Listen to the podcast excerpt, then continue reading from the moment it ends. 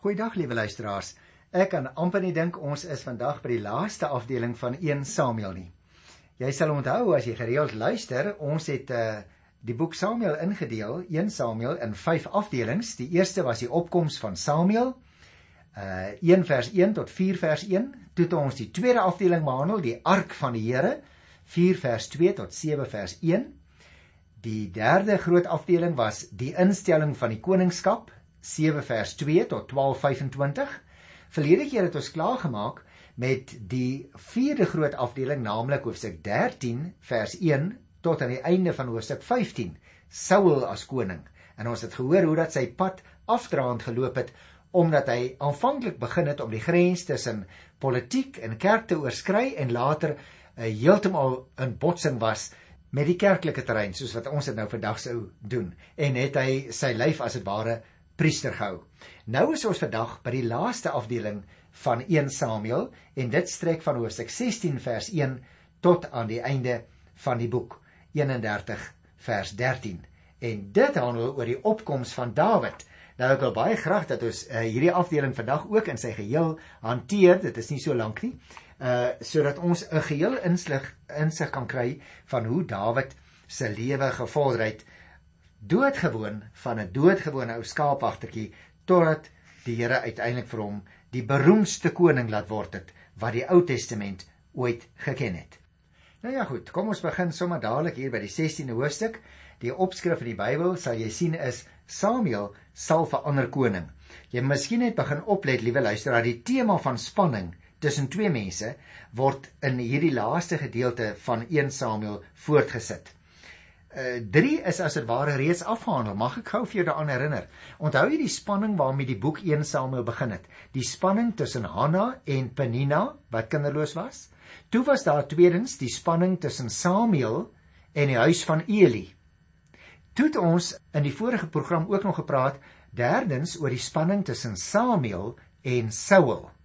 En nou het ons ook die verhaal van die spanning tussen Jonathan en Saul. Eh, dit is dus 'n draad wat deurgetrek word, maar natuurlik die hierdie hele verhaal van Samuel wat die ander koning gesalf het, trek as dit ware die vuurtjie waar hierdie situasie uh nou gaan begin. Kom ons lees aan die eerste 3 verse van 1 Samuel 16. Die Here het vir Samuel gesê: "Hoe lank gaan jy nog oor Saul treur nadat ek hom as koning oor Israel verwerp het? Maak 'n horing vol olie en gaan na Bethlehem toe." Ek stuur jou na Isaai toe, want onder sy seuns sien ek vir my 'n koning. Samuel vra toe: "Hoe kan ek gaan? As Saul dit hoor, sal hy my doodmaak." En die Here sê vir hom: "Neem 'n vers saam en sê: Ek het gekom om vir die Here offer te bring. Nooi dan vir Isaai na die offer toe. Ek sal jou meedeel wat jy moet doen. Sal vir my die een wat ek jou sal beveel." Nou, liewe luisteraar, om 'n nuwe koning te salf is natuurlik 'n gevaarlike onderneming vir Samuel, nie waar nie? As Saul, die huidige koning, dit uh, te hore sou kom, is sowel Samuel as die nuwe koning se lewe in gevaar. Ek dink dan was hulle dood, hoor. Maar om profeet van die Here te wees, is nie 'n maklike taak nie. Dit vereis soms dat so 'n persoon die onaangename moet doen. Partykeer hou dit hartseer in, partykeer is so 'n persoon selfs in gevaar. Jy en ek moet altyd onthou, as mens vir die Here ja gesê het en vir sy roeping oor jou lewe. Meer nog, 'n voltydse geestelike. Uh as jy ja gesê het vir die Here om 'n profeet te wees, dan moet jy weet jy het nie 'n maklike baantjie waarin jy is nie. Dit kan offers van jou vra, hoor, dit kan ook risiko's inhou vir 'n mens. Gelukkig kan hy wat getrou is aan sy roeping staat maak op die leiding van die Here.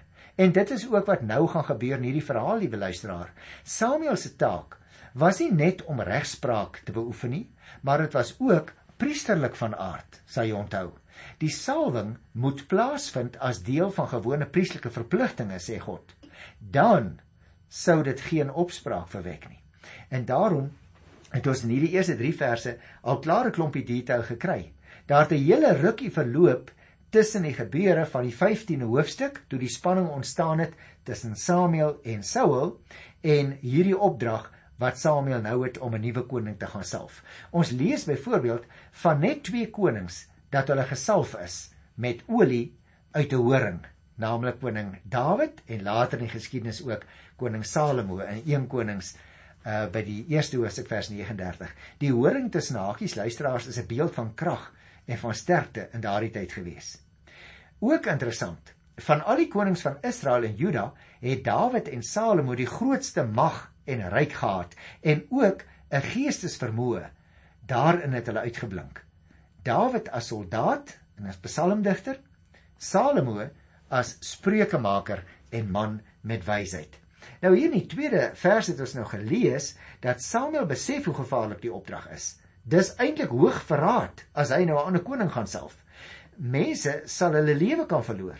Daarom gee die Here vir hom raad. Die reis Bethlehem toe, onthou nou Bethlehem beteken letterlik broodhuis in Hebreëus. Die reis Bethlehem toe moet wees om vir die Here 'n offer te bring. En dit is waarvoor Samuel eintlik so toe moet gaan. Dit is dus, het ons gesien in die derde vers, 'n offer om 'n verbond te sluit tussen die Here en die een wat hy vir Samuel sal beveel om te salf. Maar gelyktydig, luisteraars, let op, is dit ook 'n offer waarby die Here alle deelnemers wat daaraan gaan deel hê, vryspreek van skuld. Die Here sorg vir die wat aan hom behoort. Ons hoef nooit daaraan te twyfel nie. 'n Mens is vir die Here baie baie kosbaar as jy doen wat hy sê. Gaan kyk maar op Psalm 35 daar by die 17de vers. Daar is dus geleenthede, liewe luisteraar, waarop 'n mens nie alles hoef te sê vir ander mense nie. Wanneer die lewe van mense byvoorbeeld op die spel is. Daarom het ons hier nie te maak met 'n leuen wat vertel word nie. Uh Samuel gaan om in die eerste plek aan die Here te offer. Maar luister nou na vers 4. Ek lees 4 en 5. Samuel het gedoen wat die Here vir hom gesê het. By sy aankoms in Bethlehem het die leiers van die stad hom ontsteld tegemoet gegaan en gesê: "Kom u in vrede?" En hy het gesê: "Ja, ek het gekom om vir die Here 'n offer te bring. Reinig julle en kom saam met my na die offer toe." So dit is die primêre bedoeling waarom hy daar is. Maar toe hy nou skielik daar aankom, het die leiers van die stad tog so bietjie wel ek sê nou stad, dit was eintlik maar 'n ou dorpie nie waar nie. Hy sê ja, ek het gekom om vir die Here 'n offer te bring. Met ander woorde, op hulle bekommerde vraag stel Samuel hulle dadelik gerus. En die van hulle wat die voorvereistes vir deelname aan 'n offer nakom, is welkom, sê hy, om saam te kom as jy offer bring. Aan Isai en sy seuns gee Samuel self aandag. So ek wil dit baie pertinent vir jou lees hier in vers 5b van 1 Samuel. Hy self, dit is nou Samuel, het vir Isai en sy seuns gereinig en hulle na die offer toe genooi. Toe hulle inkom, het Samuel vir Eliab gesien en gedink, die gesalfde van die Here staan voor my.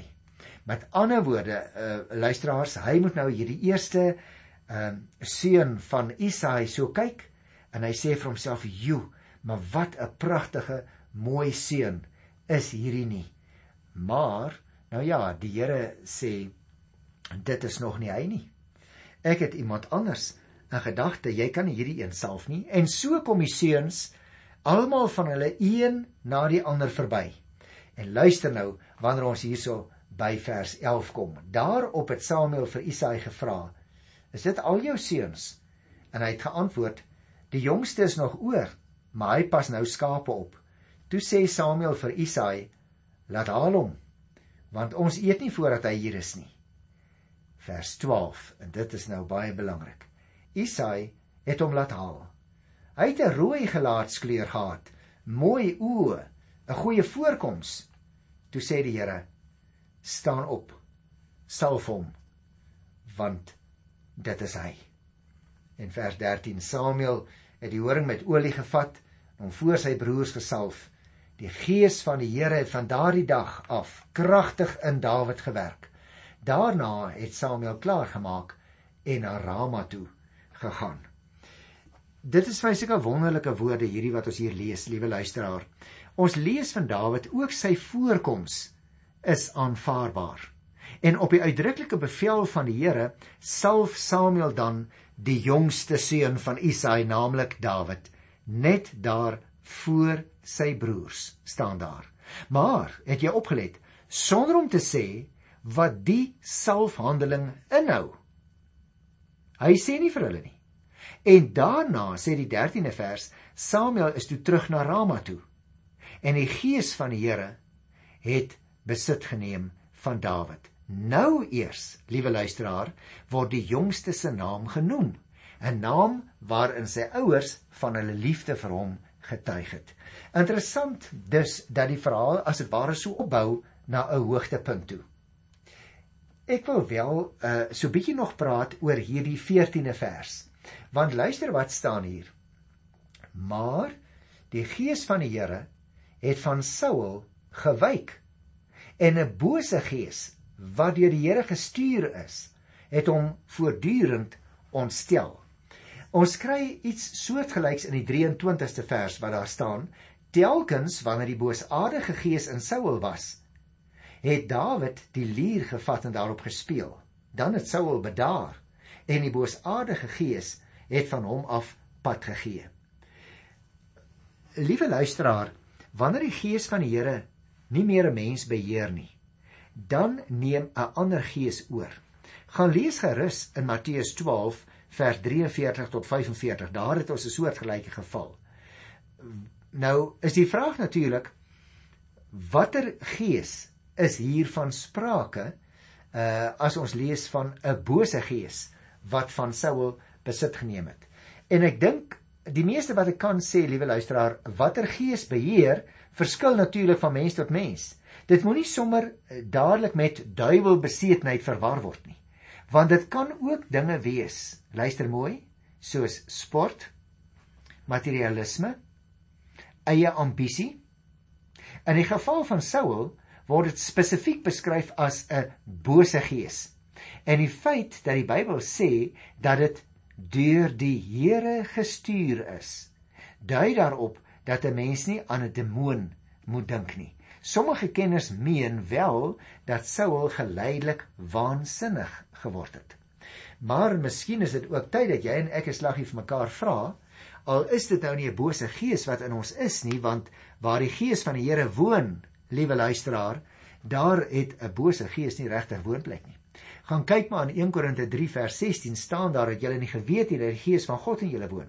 Maar baie kere is dit ongelukkig ook met Christus gelowiges so dat ons so, wat sal ek noem, dat ons so behep is met sport of met iets dat dit ons hele denke oorheers.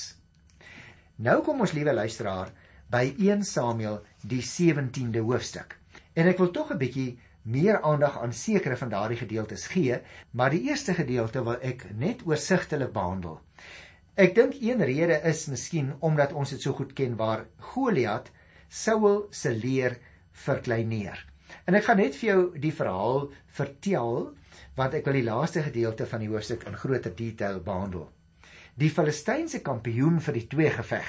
Ons ken hom almal baie goed, sy naam is Goliat. Hy is 'n baie bedrewe vegter, groot van gestalte, toegerus met indrukwekkende wapens.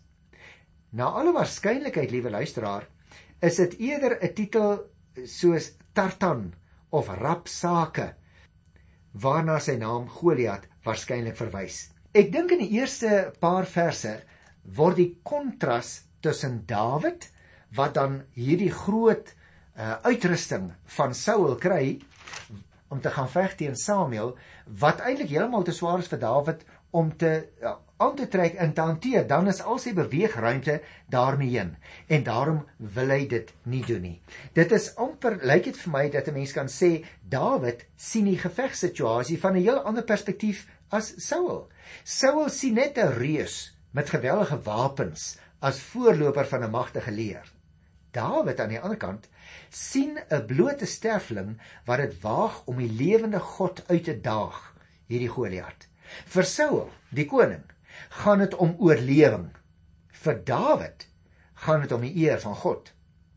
Is daar dan niemand, sê hy vir homself, wat iets aan hierdie saak kan doen nie? sien niemand kans nie, moet ons God so bespot word? Nou, dit is dus die vraag en die probleem wat in Dawid se hart lewe. En dan weet jy nou hoe dit die geveg plase vind dit.